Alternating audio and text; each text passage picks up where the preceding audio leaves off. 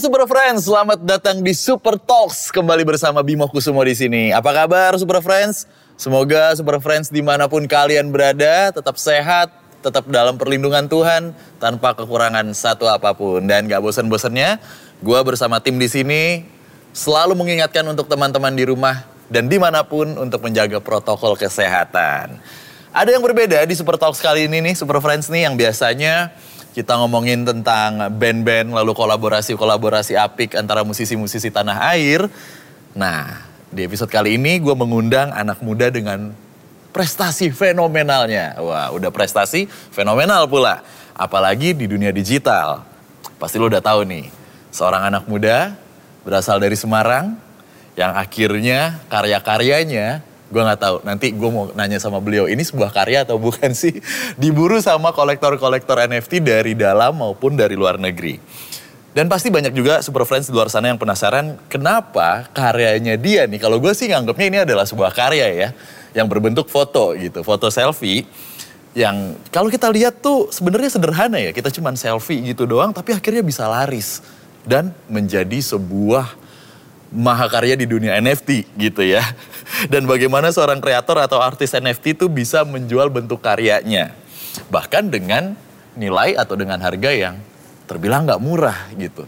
Dan semenjak hebohan ini terjadi nih Super Friends, banyak yang ngikutin caranya beliau untuk bisa terjun atau join the community. Langsung aja deh kita sambut the one and only ini adalah Sultan Al Ghazali alias Ghazali everyday Ghazali setiap hari. mas Ghazali apa kabar? Baik mas. Ini langsung dari Semarang ya? Iya. Oke, Super Friends, Ghazali. Namanya memang Sultan, eh nggak nggak pakai Sultan ya depannya ya? Gustav Al Ghazali, bener? Atau ada Sultan ya? Iya ada. Oh, tuh, ada beneran Sultan? Beneran. Ini beneran Sultan nih guys, bukan Sultan yang disematkan abal-abal bukan ya ternyata namanya Sultan Gustav Al Ghazali dan, dan jadilah Ghazali Everyday gitu ya nah Ghazali Everyday nih disematkan oleh orang-orang apa Mas Ghazali sendiri nih kalau uh, dari sendiri sih oh sendiri yeah. setelah foto-fotonya booming atau sebelum-sebelumnya ah gue pengen ada AKA Ghazali Everyday deh Enggak, sebelumnya sih lebih tepatnya. Sebelumnya, hmm. oke. Okay. Ini tadi kan sempat uh, gue singgung gitu ya, kalau ini adalah sebuah karya gitu ya. Karya itu adalah sebuah seni gitu. Menurut Mas Gozali, ini karya bukan? Menurutku enggak malah. Ya iyalah salah gue. Terus apaan dong? Apa ya, menurutku kayak soalnya tuh aku ngeliat di NFT kan kebanyakan karya seni gitu. Mm -hmm. Terus ilustrasi. Mm -hmm. Terus aku kayak bayangin aja sih, kayak buat if kalau semisal ada orang gitu upload NFT tapi bentuknya fotografi gitu loh. Oh. Aslinya fotografi itu udah ada di NFT kayak apa fotografi pemandangan gitu-gitu. Uh, Cuman kalau bentuk orang nih. Ya belum ada. Aku juga apa sempat-sempat ngelihat pasarnya soalnya. Sebelum kita bahas tentang foto-foto yang ternyata bukan sebuah karya. Banyak orang, oke okay deh, di sini gue akan mewakili teman-teman eh, Super Friends di rumah, Mas Gozali yang mungkin belum into banget dengan NFT dan masih kepo tentang dunia NFT gitu ya. Mungkin dari backgroundnya Mas Gozali sendiri gitu. Hmm. Kalau masyarakat mungkin satu dua udah ada yang tahu Mas Gozali ini masih kuliah gitu ya dan dari Semarang. Tapi ternyata Mas Gozali ini memang dari dulu itu memang penyuka sebuah atau pelaku seni sebenarnya dengan menggambar dan lain-lain. Kuliahnya pun kuliah seni, betul? Kuliah animasi. Kuliah animasi gitu ya. Di universitas mana mas? Udinus. Semarang. Udinus. Universitas? Dianus Wantoro. Dianus Wantoro. Waduh udah sempat dipanggil rektor belum? Gozali terima kasih. Udinus jadi terkenal. Udah dong pasti kan? Udah, udah. Oke dan akhirnya udah tahu apa maksudnya bukan udah tahu ya tapi sudah melirik-melirik tentang dunia digital ini apalagi kita nyebutnya apa sih metaverse? Boleh menyebut Boleh. seperti itu ya. Dari tahun 2017. Lebih tepatnya tuh 2017 tuh aku mulai foto. Mm -hmm. Dan kenapa aku mulai foto ya karena emang kan di YouTube juga banyak orang luar tuh suka foto terus nanti dijadiin video gitu. Stop motion gitu eh, apa stop sih? Motion, stop motion ya gitu ya. Itu kan juga oh. salah satu animasi. Itu awalnya foto itu nanti akan dikoleksi menjadi sebuah NFT. Kalau dikoleksi menjadi NFT tuh Uh, dari 2021 sih. Hmm. Soalnya tuh kenal NFT juga 2021 gara-gara berita juga eh, dari People sih lebih tepatnya. People tuh eh, bikin 3D render Mm-mm. setiap hari juga. Dan itu laku sampai bahkan triliunan bahkan. Gokil triliunan. Tapi sebelum dalam, sebenarnya di lingkungan Mas Gozali sendiri gitu ya. Kita coba lebih tepatnya di Semarang gitu. Iya. Udah kepikiran belum sih Mas dari tahun 2017 atau 2018, 2020 gitu ada yang udah nyinggung tentang dunia digital ini belum atau NFT atau apa kripto gitu-gitu. Kalau NFT aslinya udah dari dulu sih, cuman eh, belum dikenal juga sama banyak orang, apalagi cryptocurrency. Kayaknya cryptocurrency dulu baru NFT. Tapi di tongkrongan gimana? Nggak bahas sih. Nggak bahas sama Iya. sekali. Berarti emang Mas Gozali yang nggak suka nongkrong kali? Ya enggak, soalnya, soalnya tuh teman-teman ya bahasnya tentang animasi gitu-gitu. Oh, sesuai dengan eh, tongkrongan kuliah aja Iya. gitu ya. Sekarang tongkrongannya beda lagi nih, udah sekali tongkrongannya. Denger-denger udah sampai Bali loh, ngomongin tentang NFT loh, bener gak sih? Bener. Iya kan? Gokil.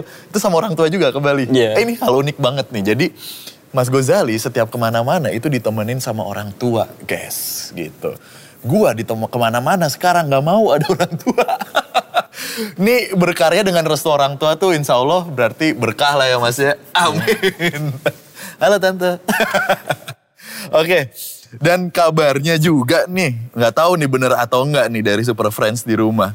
Lo tuh juga tercatat sebagai mahasiswa yang berprestasi di kampus dan sering ikut kompetisi bertaraf internasional ternyata. Hmm, betul. Animasi? Enggak sih, kan Oh enggak juga, apalagi nih? kan aku dari semester 3 tuh eh, tertarik sama desain grafis. Eh, ikut kayak nentinin desain gitu. Oh gitu, pernah juara mas? Pernah dua kali kayaknya. Ini buat super friends di rumah yang udah pernah ngelihat selain foto-fotonya Mas Gozali ya. Unik-unik banget desain-desainnya. Bener, bisa dilihat di mana Mas portofolionya? Eh, di Instagram ada. Kalau logo tuh Sultan underscore Gustav gitu. Oh, luar biasa. Tapi kabarnya juga Mas Gozali ini ada fase di mana pernah investasi di cryptocurrency sebelum terjun ke NFT. Berarti udah kenal kripto dulu sebelum Iya. NFT. Bener. sekalian mungkin boleh dikasih tahu ke teman-teman super friends gitu kalau ternyata NFT dan kripto itu saling atau sama-sama satu keluarga bener gak sih boleh dibilang Ya, kayak saling gitu? berhubungan sih. Soalnya tuh cryptocurrency tuh kayak aset digital gitu. Hmm, Kalau mau kalaupun mau ngebeli NFT harus punya cryptocurrency dulu. oke. Berarti ya sebelum terjun ke NFT harus punya kripto dulu gitu kan. Karena memang hal seperti ini edukasi seperti ini juga belum banyak yang tahu nih kalau ternyata kita ya emang harus main kripto dulu, Iya. paham tentang kripto dulu, baru kita main ke NFT. Dan main NFT itu pun sendiri nggak cuman sekedar bermain, ada community dan lain-lain juga ya di situ ya. Itu dari tahun berapa kripto itu udah di Kripto juga dari 2021 sih. Oh 2021, berarti Iya. tahun-tahun lalu berarti ya? Ya, Oke. ta tahunnya juga agak kurang jelek sih. Apa kurang bagus Biasa. sih pengalamannya sih. Kurang jelek tuh bagus tuh. Ada lagi diksi baru nih dari Gozali Everyday. kurang bagus, kurang. Kurang bagus ya. Biasanya menurut saya nih konsep kurang jelek nih. Ada-ada aja loh emang kebanyakan main NFT sih. Terus nggak apa-apa, bisa gue bawa ke present ke tim gue. Menurut saya ini kayaknya kurang jelek nih. Ya, bagusin lagi. Oke oke, terus akhirnya gimana bisa into ke NFT? Itu kan harus dipelajarin lagi dari segi komunitas, dari segi algoritmanya, bener gak sih? Bahkan sampai ada apa sih Discord gitu-gitu ya Iya. untuk untuk giveaway dan atau misalnya ada launching gambar baru gitu kan? Iya. Discord jam 10 malam. Iya, itu Don't miss it gitu-gitu kan. Bener, bener, kan? bener. nah itu akhirnya gimana tuh bisa? Wah nih NFT nih, apakah setelah banyak yang mengapresiasi foto-fotonya Mas Gozali kah? Kalau aku tuh aslinya baru tahu tuh NFT bener-bener masih pemula sih. Tauku tuh pas awal-awal Januari tuh cara minting terus cara ng- ngelihat apa pasar pasar lain tuh kayak gimana. Minting tuh apa mas? Boleh dijelasin? Kalau minting tuh ngupload di blockchain gitu. Oke, nih mau upload nih gitu dan nanti bisa dibeli langsung gitu-gitu ya dengan harga yang pertama mungkin rendah, nanti jadi tinggi gitu-gitu. Oke, minting tuh upload nih Super Friends gitu. Oke, oke. Lalu, lalu? Setelah di minting kan baru bisa di di sell. Oke. Oke, oke. Nah di sel itu tuh yang pada rebutan tuh kadang-kadang ya. Udah berapa tuh Mas Gozali foto-fotonya di akunnya yang udah kejual? Ada berapa foto gitu total? Oke, Total tuh kayak 933-an sih. Paling mahal berapa harganya kalau dirupiahin? Eh, paling mahal kayaknya satu WTH lebih. Satu ETH tuh berarti Mungkin sekarang lagi turun 4, 4 mungkin. empat apa? 40 juta. 40 juta. Handphone gue mana nih? Gue mau foto orang 40 juta nih depan muka, ya kan? Krek. Gila satu foto 40 juta, super friends, ya ampun. Oke deh, berarti secara sederhana menurut Mas Gozali NFT itu apa berarti? Menurut seorang Gozali, Menurutku tuh eh, karya digital sih. karya digital. Cuman yang penting dari NFT itu aslinya itu blockchainnya. Contohnya lebih kayak seni lukisan gitu loh. Kan lukisan kalau biasanya punya sertifikat gitu. Nah, Oke. blockchain tuh kayak sertifikatnya. Jadi sudah tersertifikasi orang-orang kalau mau pakai foto ini itu nggak bisa sembarangan. Nah itu kan untuk apa ya kalau boleh dibilang karya-karya yang let's say 2D atau 3D gitu. Kalau kita sendiri kan ngelihat emang Mas Gozali lumayan nyebrang nih. Iya. Ya kan? Jadinya foto, foto digital, foto selfie gitu, bukan foto digital. Dan foto selfie itu rentan banget sebenarnya untuk bisa Iya. saya bisa dipakai. Saya aja bisa pakai nih. Nah itu gimana menyikapinya? Kalau kayak gitu? Kalau aku aslinya apa ya? Menyikapi itu bakal disalahgunakan atau gimana? Jujur ini apa ya? Waktu awal aku eh, listing di eh listing tuh kayak ngejual sih lebih. Oh, baru mau ditanya. Pinter ya, emang pinter, mahasiswa berprestasi. Listing tuh apa? Dia udah jelasin dulu. Oke, silahkan tanya saya. Sekarang kamu hostnya. Oke, setelah di listing. Eh, nggak- aku nggak nyediain untuk room for error tuh maksudnya bakal ada yang laku gitu loh.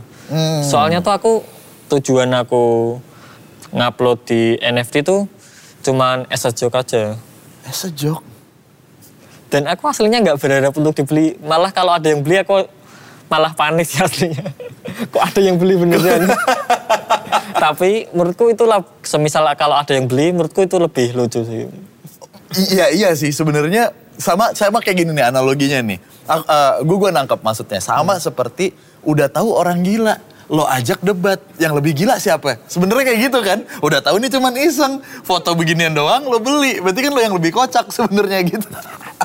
Oke ngomong-ngomong soal foto selfie gitu ya. Kita mundur sedikit ke foto selfie ini menarik untuk dibahas. Tadi peng, eh, pengen tujuan awalnya untuk bikin time lapse stop motion gitu kan dari tahun 2017 konsisten tuh orang-orang taunya ini setiap hari apakah setiap hari sebenarnya Enggak juga sih. Kan kalau ditotalin eh, mungkin lima tahun tuh nggak sampai 900-an mungkin lebih harusnya. oke berarti nggak setiap hari satu satu satu gitu Ya misalnya terkadang kayak seminggu lupa gitu. Cuman oh ada lupanya ya cuman kan kalau ditarik kan yang dimaksud konsisten tuh terkadang ada yang naik turun. Kalau di apa ya, lihat secara grafis tuh naik terus gitu loh. gitu loh. Heeh. Kan kalau di zoom dekat pasti ada yang naik turunnya gitu. Oh iya iya iya iya iya nah, nangkep. Oh itu tuh yang sebenarnya nggak konsisten Iya. gitu. Oke oke tapi akhirnya ya boleh dibilang pasar atau market sendiri tuh atau masyarakat sudah melihat wah gila nih keunikannya adalah ngupload setiap hari selama lima tahun. Ya itu aslinya lebih, aku lebih ngejual konsepnya sih, konsep unik daripada foto tuh cuman visual aslinya. Ini value-nya nih Super Friends nih. Berarti konsep di sini. Value-nya adalah konsep. Konsep tuh mahal. Kalau set seperti ini dan lain-lain dan ada cantik ya banyak-banyak art dan lain-lain itu sebenarnya proses eksekusi dan teknikalnya. Tapi konsepnya nih yang mahal. Ini yang gua ambil dari seorang Gozali gitu ya. Nggak semua orang punya pure atau punya konsep organik seperti itu. Dan akhirnya diapresiasi sama pasar atau masyarakat gitu ya. Nah pertanyaannya masalah apresiasi gitu ya. Apakah Mas Gozali ini melakukan NFT itu sendiri? Karena setahu gua dan mungkin Super Friends di rumah, makin ke sini tuh makin tahu kalau kita bermain di NFT itu nggak bisa sendiri. Harus ada teman yang paham betul Dan itu pun gak cukup, harus join the community. Is that right? Iya. Eh, cara ngelihat komunitas tuh pertama ya ngelihat yang rame gitu. Kayak mungkin ngelihat foundernya siapa gitu. Kayak contoh Karafuru gitu. Oke. Kan udah jelas Jejo. apa. Terus backgroundnya apa Jejo kan. Terus Jejo udah punya apa aja. Gitu. Artisnya juga siapa aja gitu. Artis tuh maksudnya gimana nih? Artis tuh kayak yang buat gambar. Mas, Por- portofolionya apa aja gitu. oke berarti seorang Gozali ini bisa dibilang artis NFT juga? Enggak, aku Bukan. aslinya juga baru sih. Oh. Aslinya aku juga apa ya?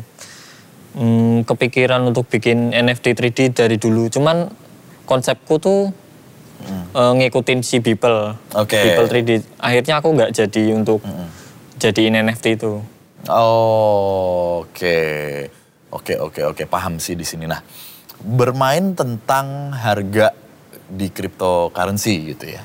Yang tadi mana Mas eh, Gozali juga bilang ada satu fotonya itu yang bisa dijual sekitar satu ETH, itu yang paling tinggi. Iya. Di luar sana ada yang paling tinggi menurut Mas Gozali tahu tuh berapa sih Mas? Hmm, itu NFT-nya Beeple tuh kayak hampir satu triliunan. Satu triliun ya?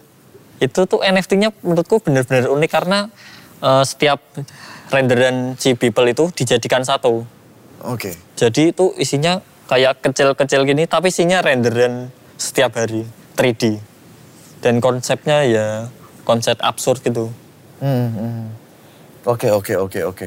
Terus kalau ada apa sih aplikasi atau website namanya apa sih? Apa? OpenSea. OpenSea. Nah itu tuh apa tuh? Mungkin bisa OpenSea tuh- dijelaskan juga ke Eh, menurutku kayak eh, marketplace-nya. marketplace-nya. Hmm. Oke oke oke oke. Sebenarnya oke lah, gue tuh lumayan tertarik juga akhirnya untuk oke lah coba gitu ya untuk coba-coba satu dua Hmm. gitu dan ikut-ikutan gitu. Nentuin harganya tuh dari mana mas selain lelang?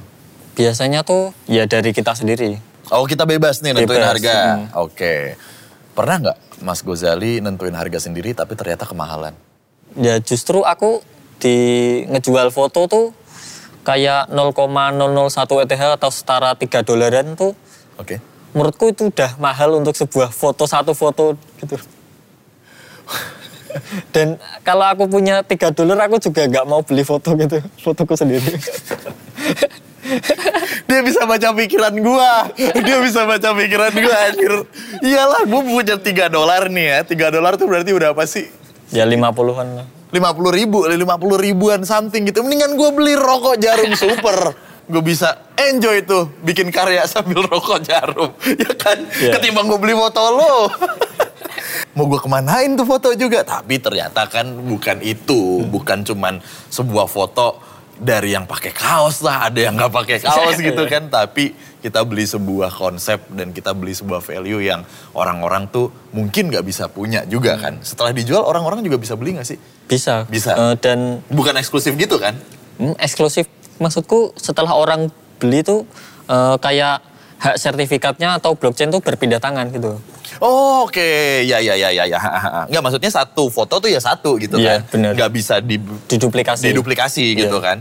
Ya satu foto Gozali everyday bulan Maret 2018 tanggal 5 ya udah satu itu Iya. toh kan. Kalaupun mau berpindah nanti mungkin let's say dari kawan kita namanya Ari gitu terus ini gue beli deh pindah ke Bimo gitu-gitu Hmm. Tapi aja kan. harganya dinaikin. Iya, kayak gitu. Oke, oke. Mas Gozali, pertama kali foto-foto akhirnya terpapar, ah, maksudnya orang-orang Indonesia terpapar foto-foto Mas Gozali dan lain-lain. Keluarga ada yang tahu nggak sih kalau ini sebuah movement, waduh sebuah movement, sebuah hentakan untuk dunia digital di Indonesia. Terutama orang tua dulu deh, baru kita tanya ke teman-teman. Enggak sih, aslinya aku agak malu sih soalnya eh, aku tuh konsepnya tuh targetku eh, market luar. Setauku tuh dulu Indonesia tuh apa market NFT kurang gitu loh. Jadi aku cara ngebawain promosinya pakai bahasa Inggris biar Oh, ya, ya. Itu bahasa di Twitter juga kalau Super Friends ada yang follow di Twitter, Mas Gozali komunikasinya banyak kan di pakai bahasa Inggris gitu-gitu Yes. ya. Oke, oke. Akhirnya langsung dikasih tahu untuk ke, ke keluarga dulu nggak? Nih sebenarnya lagi terkenal gini-gini apa sampai detik, detik ini belum tahu nih? Keluarga udah dong pasti dong. Masa Ya, belum a- tahu? Kalau eh, pas viral tuh aku aslinya nggak nggak ngasih tahu. Taunya juga dari saudara gitu. Ah, oke. Tapi akhirnya setelah eh, eh, viral lalu setelah orang-orang tahu kalau ini tuh harganya ya dalam tanda kutip tuh mahal banget. Emang nggak mau Mas Gusali mengkomunikasikan dong keluarga diterimakah sama keluarga seperti itu Iya. ada kekhawatiran untuk berhenti kuliah nggak Dikit. Dikit tapi tetap harus lulus lah ya. Orang udah semester berapa sih? 8 kan? Delapan. Ya, satu semester lagi kan. Oke. Teman-teman gimana? Udah ada yang mulai datang belum? Gozali. Wah, iya kabarnya? Ya gila, Wak. wah aku wes. Pandemi. kan gitu, datangnya gitu tuh sambil ngelus dengkul gini. Eh mas Gozali, wah wes tak delok-delok ini wes. Apik lo ini sekarang lo. lima puluh ribu ada nggak mas? ada kan yang gitu-gitu? Ada kan? Ada. Ah, bahkan ada yang DM, cuman aku kayak balesin eh, dengan lucu-lucuan gitu. Kalau ada yang minta duit, aku kasih foto gitu. Iya itu, itu, itu yang di-upload di Twitter juga Itu kan? rame sih gitu. Bang, sekarang banyak duit nih, gue lihat-lihat nih. Bagi dong duitnya dong. Terus dikasih selfie. Nih, lo jual sendiri. Tapi ya bener juga sih konsep itu. Nih, kalau emang lo bisa jualin gitu dan lain-lain. Tapi itu emang kayak gitu bisa dijual ya? Eh, enggak, aslinya butuh pers- persetujuan gitu. Kalau kan soalnya ini bentuknya fotografi. Ya harusnya perlu persetujuan ini boleh nggak dijual sebagai NFT. Soalnya kalau udah dijual sebagai NFT itu nggak bisa dihapus gitu soalnya. Tapi ada yang minta persetujuan kayak gitu? Hmm, nggak ku nggak ku kasih juga sih Nggak soalnya. dikasih ya. Nah oke, ini ini menarik nih. Untuk bahas tentang se- persetujuan, lalu tentang keamanan lah ya. Keamanan berkarya dan lain-lain. Karena kalau Mas Gozali kayaknya tahu, harusnya tahu. Di setelah foto-fotonya Mas Gozali itu viral, dan orang-orang akhirnya tahu, oh ternyata dengan foto selfie aja bisa nih gue main NFT. Sempat booming atau sempat viral juga kasus yang mana tuh di OpenSea banyak banget yang ngejual foto KTP. Bahkan foto-foto makanan dan lain-lain. Jadi salah penggunaan. Iya. Maksudnya salah makna di situ. Ngerasa bertanggung jawab nggak di situ atau ngerasa bersalah nggak ada perasaan di situ? Hmm, kalau aku sih mm, nggak ngerasa bersalah juga sih. Soalnya tuh aku juga wajar di warga Indonesia tuh kayak latah informasi gitu. Oke. Eh, Iya, iya. Kalau dapat untung besar langsung ikut-ikutan. Padahal konsepnya nggak ada gitu. Hmm, hmm. Eh, dan menurutku yang ikut-ikutan sekarang semisal ada orang yang foto makanan dijadiin NFT itu kalau di halaman depan OpenSea itu nggak ada. Oh gitu? Bener. Soalnya tuh harus dicari dulu baru ketemu. NFT tuh bener-bener selektif untuk nampilin karyanya di depan. Nah oke, ini anomali dong. Berarti kalau foto Gozali Nggak ada di depan. Harus dicari dulu namanya Gozali Everything baru dicari. Ah, gitu. Walaupun udah se-booming ini tetap nggak ada di depan dia. Iya. Lalu yang disediain di depan tuh apa? Kategori terkadang. Oh. Terus top 10 gitu-gitu. Yang volume trade-nya lagi tinggi terus. Oke oke. Tapi ngomong-ngomong soal Web3 sendiri gitu, akhirnya para pelaku NFT gitu ya atau teman-teman yang bermain NFT itu akhirnya juga bermain tentang Web3 gitu. Maksudnya harus tahu tentang Web3. Beda sama teman-teman yang bermain kripto. Yang bermain kripto kadang nggak harus tahu tentang Web3 juga. Apa gimana menurut Mas Gozali? Hmm, menurutku eh, nggak harus juga sih. Soalnya tuh cryptocurrency hmm, bener-bener aset digital aja sih. Oke. kalau mau pelajarin en- cryptocurrency ya udah eh, di cryptocurrency nggak apa-apa. Kalau semisal pengen eks- expert lagi ya Web3 itu perlu. Kalau belajar-belajar kayak gitu di mana sih Mas untuk pemula? Hmm, Kalau aku sih emang suka lihat YouTube sih. Tahu di YouTube tuh udah Ya, banyak YouTube, ya. Terus baca-baca artikel. Nah buat teman-teman Super Friends juga nih, kan banyak istilahnya ya, minting, listing, terus tadi Web3 ya kan, Eh, decentralized lah apa segala macam blockchain. Nah itu sebenarnya bisa teman-teman pelajari dan banyak banget juga nih kanal-kanal yang memang khusus untuk membahas tentang NFT itu sendiri gitu ya. Kalau sekarang kan kita lagi ngobrol sosok seorang Sultan siapa namanya? Gustav Argo. Gustas Al ya si Gozali. Ya, Gozali aja. Gozali aja kan, iya. Tapi bener loh ternyata gue baru tahu beneran sultannya gue kira labeling gitu. Taunya emang bener namanya Sultan Gustav Al Ghazali. Oke, dan akhirnya sekarang banyak banget nih orang-orang yang mengapresiasi dengan membuat kolaborasi sama Mas Gozali. Salah satunya adalah Irene Zhao, betul? Iya. Siapa beliau? Eh, Irene Zhao juga terinspirasi dari saya sih. Oh. Eh, kasusnya untuk di Irene Zhao tuh, di Irene Zhao tuh sama komunitasnya tuh sering bikin stiker-stiker gitu. Oh. Nah, terus salah satu fannya nyaranin kenapa stikernya tuh nggak dijadiin NFT. Oh. Itu itu kasusnya setelah aku gitu. Oke, oke, oke. Wah mantap nih, berarti terinspirasi ya dan shout out nih buat fansnya Irene Zhao yang sudah menginspirasikan Mas Gozali nih untuk jadi apa ya referensi kali ya benar, referensi. referensi. Oke, tapi pertanyaanku ya Mas, kalau misalnya foto-foto selfie-nya Mas Gozali itu jadi untuk dibikin project time lapse gitu itu rencananya buat kapan sih launchingnya? Terlepas dari NFT deh. Aslinya udah jadi kan eh, tujuannya emang time lapse, tapi aku udah di awal Januari tuh udah ngedit dulu, terus dijadiin di YouTube gitu. Terus aku juga cara promosiin NFT tuh ya banyak cara sih. Pertama kayak di Facebook. Oke, oke. Ternyata ternyata ternyata booming. Nah, tapi maksudnya aku selain selain foto foto ini, foto selfie gitu, yang tadinya kepikiran untuk NFT tuh apakah gambar-gambar dodel kayak gitu ataukah kayak misalnya gambar-gambar yang titik-titik gitu. Ada kepikiran ke situ nggak selain foto selfie sebenarnya? Ada sih kayak 3D. Soalnya Nah, aku sempat 3D. pernah bikin 3D, cuman karena karena 3D ku kurang apa? Kalau ngelihat pesaingnya, 3D ku kan kurang bagus. jadi Waduh. aku ya ya udahlah.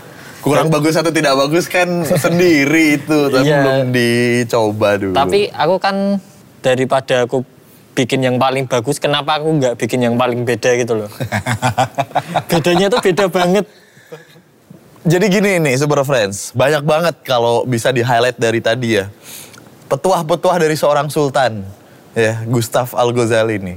Jangan bikin yang paling bagus untuk menyaingin yang sudah bagus yang beredar di pasaran, tapi bikin yang paling beda gitu ya, supaya di notice Iya. gitu kan. Oke, nah salah satu nih, salah satu bukti yang paling beda itu di notice adalah Jonathan Mann. Ini seorang musisi dari luar negeri yang akhirnya terinspirasi oleh Mas Gozali dan akhirnya bikin judul lagu beliau Ghazali's Everyday and the Lineage of Everydays. Song a Day 4760. Udah denger belum lagunya? Udah. Udah. Di komen nggak? Iya, tak komen sih kemarin. Oh komen. Kok nggak izin dulu gitu? Enggak, kan emang sesuatu karya kayaknya nggak perlu diizinin sih. apresiasi lah Ya, itu ya apresiasi apresiasi. maksudnya. Jadi beliau tuh bikin musik ya pop aja gitu ya dengan gitar dengan gitar kopongnya gitu terus bikin belakangnya back- apa backgroundnya Mas Gozali. ada ada aja deh. Gimana pendapatnya Mas? Sampai nanti ada musisi-musisi bikin lagu gitu monggo silahkan apa Ya kalau bayar royalti juga? ya enggak konsepku tuh kalau semisal itu lucu ya kenapa enggak? Berarti royalti tetap ada di NFT aja Iya. gitu lah ya. Ngomong-ngomong soal royalti, berapa sih royaltinya eh, Mas Gozali tuh? Biar teman-teman Super Friends tahu kan. Misalnya nih ya simpelnya. Fotoku dibeli sama Mas Gozali gitu kan ya. Terus ada satu orang namanya Andi. Membeli fotoku yang seri satu tadi. Iya. Berpindah tangan. Aku tetap dapat royalti gitu kan. Tetap. Nah itu yang terjadi sama Mas Gozali kan. Iya. Nah royalti itu berapa sih Mas? Dan siapa yang menentukan royalti itu? Eh, yang menentukan royalti ya dari kita sendiri. Oh, Dan gitu. minim untuk di OpenSea itu maksimal 10%. Oh, oke, maksimal 10%. Iya. Oke, oke, maksimal 10% dan tadi ada berapa foto, Mas? Udah. 933. Jadi kita tahu nih, Mas Gozali, bahwa semua yang Mas Gozali lakukan tuh adalah investasi gitu kan. Investasi untuk kita nanti ya terserah kita mau ngapain gitu kan. Nah total investasinya Mas Gozali sendiri tuh udah berapa? Dari royalti dan dari macem-macem itu. apa ya dan setelah ku cairin berapa itu juga asetku juga ku pisah kayak cryptocurrency ada yang ku staking Staking. Oke, staking tuh iya, kayak iya, iya. nanti punya berapa koin nanti dapat bunga per tahun gitu Istilahnya ditahan dulu Hmm. gitu ya. Oke, oke. Oke, in total deh, bisikin aja. In total. Eh, aset cryptocurrency tuh kayak 500 gitu 500? 500 juta 500 juta. Oke. Itu Aset masih- cryptocurrency. ada yang di stable coin ada yang koin yang lagi naik atau Hmm. Ini ini per detik ini ya, per detik tayangan ini taha- eh, tayang nih gitu ya. itu Oke. perlu ku sebutin apa koinnya apa aja gitu. Nggak usah, nggak usah, nggak usah. Aku tidak perlu, aku butuh tahu berapa asetmu aja. Oke, 500 juta. Lalu? Terus Ada lagi? kayak aku juga main investasi kayak saham, reksadana Nah, itu total 200 gitu. du- 700 juta. Iya. Ini gue kayak nanya berapa harga outfit lo gitu tuh. Berapa saham metal? Kalau sekarang kayaknya lebih ke situ sih. Iya kan, lebih berapa sih aset metaverse lo gitu? Iya, aset portofolio lo gitu.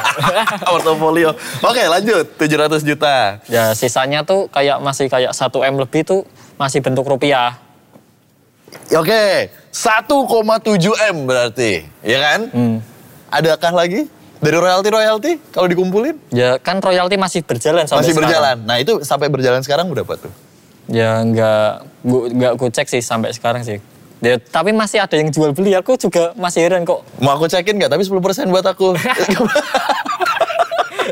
in, in total, uh, se- oke. Ah, aku nggak tahu, tapi 10 M ada? Ya nggak. Oh ada. Jadi ini mas, saya ada tanah di Pondok Gede, Iya. tahu kan ya Pondok Gede di Bekasi. Rencana mau saya cairin, nanti habis ini ya kita ya. Coba tahu murah kok 700 juta aja. Oke, pusing, pusing, pusing, pusing, pusing. Oke, tapi apa sih rencana Mas Gozali ke depannya tuh dengan investasi atau aset seperti ini? Apakah akan dicairkan semuanya? Kalau boleh sharing ke Super Friends lah. Aset digital tuh sama nggak sih dengan aset-aset yang ada sekarang eh, real gitu ya? Apa eh, tuh apa namanya rencana Mas Gozali ke depan? Eh, kalau rencanaku sih emang bener-bener suka nabung ya. Jadi eh, nanti ku puterin lagi. Kan aslinya tahun ini setelah ku pikir-pikir kayaknya nggak jadi beli rumah dulu. Jadi pengen ku puterin dulu buat bisnis atau atau apa gitu. Nice, nice, nice. Tapi boleh jelasin gak sih mas sebenarnya ini kan berawal semua kita nggak bisa menampik lah gitu. Kalau ini akhirnya berkat dan berkah ini tuh dari NFT, dari fenomenalnya Mas Gozali gitu kan ya dengan foto selfie-nya. Seberapa impact sih di kehidupannya Mas Gozali sampai sekarang tuh bisa jadi apa brand ambassador atau jadi bintang iklan kan di mana-mana sampai di billboard gitu kan di digital juga Mas Gozali lagi gitu. Maksudnya gimana tuh Mas Gozali menanggapi hal tersebut gitu? Masih culture shock sih. Oh masih shock culture Yes. lah ya gitu.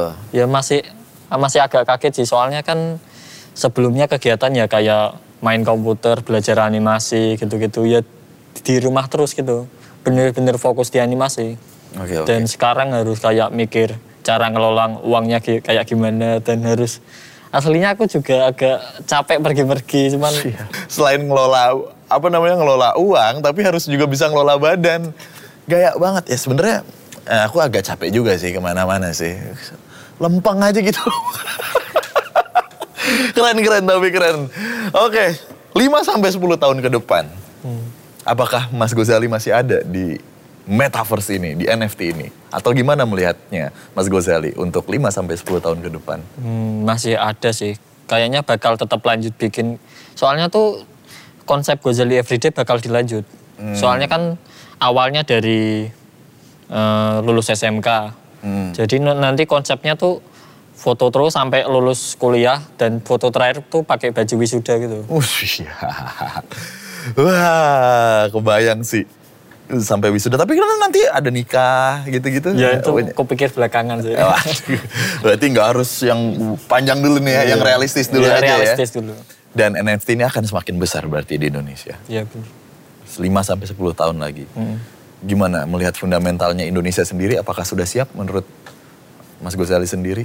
Masih apa belajar dari pengalaman aja sih. Hmm. Kayak masih ada yang latah nggak apa-apa itu juga dari pembelajaran gitu.